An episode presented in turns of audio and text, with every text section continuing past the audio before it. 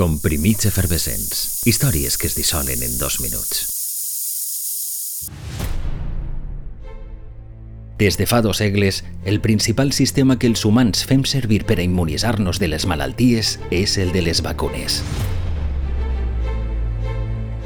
Una expressió que etimològicament està relacionada amb les vaques.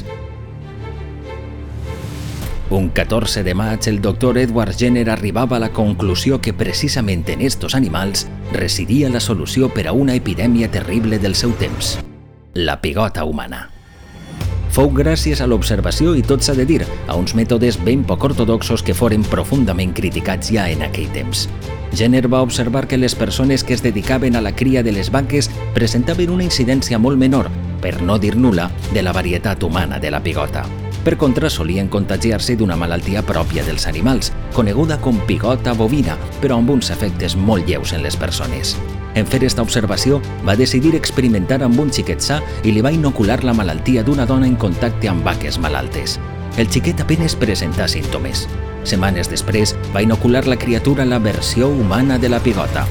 I tampoc no mostra símptomes ni en aquell moment ni anys després. Tenia la fórmula i coneixia el mecanisme. Tot i les dificultats per a difundir el seu descobriment, el temps li donaria la raó. De fet, la pigota fou la primera malaltia de la història en considerar-se totalment erradicada. Avui fa 221 anys d'aquell descobriment, un 14 de maig de 1796.